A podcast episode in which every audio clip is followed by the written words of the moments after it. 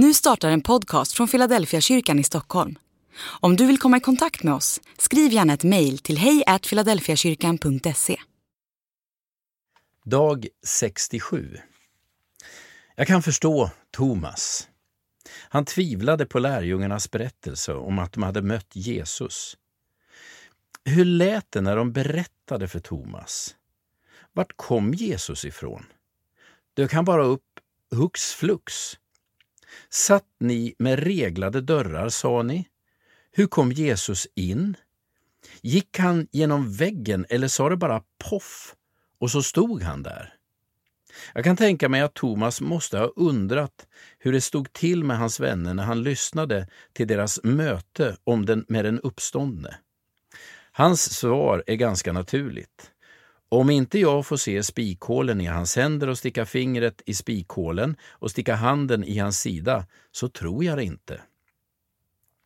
Det är en helt ny verklighet som ingen av dem tidigare har upplevt, som lärjungarna försöker beskriva. Thomas bekännelse är nog de ord som bäst kan beskriva och sammanfatta vad de upplever. Min Herre och min Gud. Thomas får röra vid Jesus för att bli övertygad om vem han är.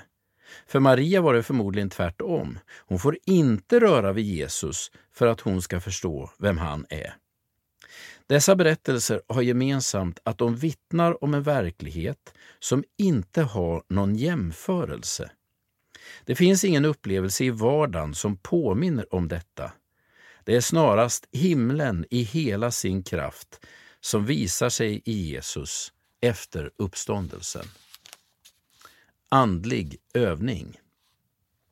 Jesus överraskar sina lärjungar. Deras tro var svag och bräcklig och de kände sig rädda. Be att du blir överraskad av Jesus idag.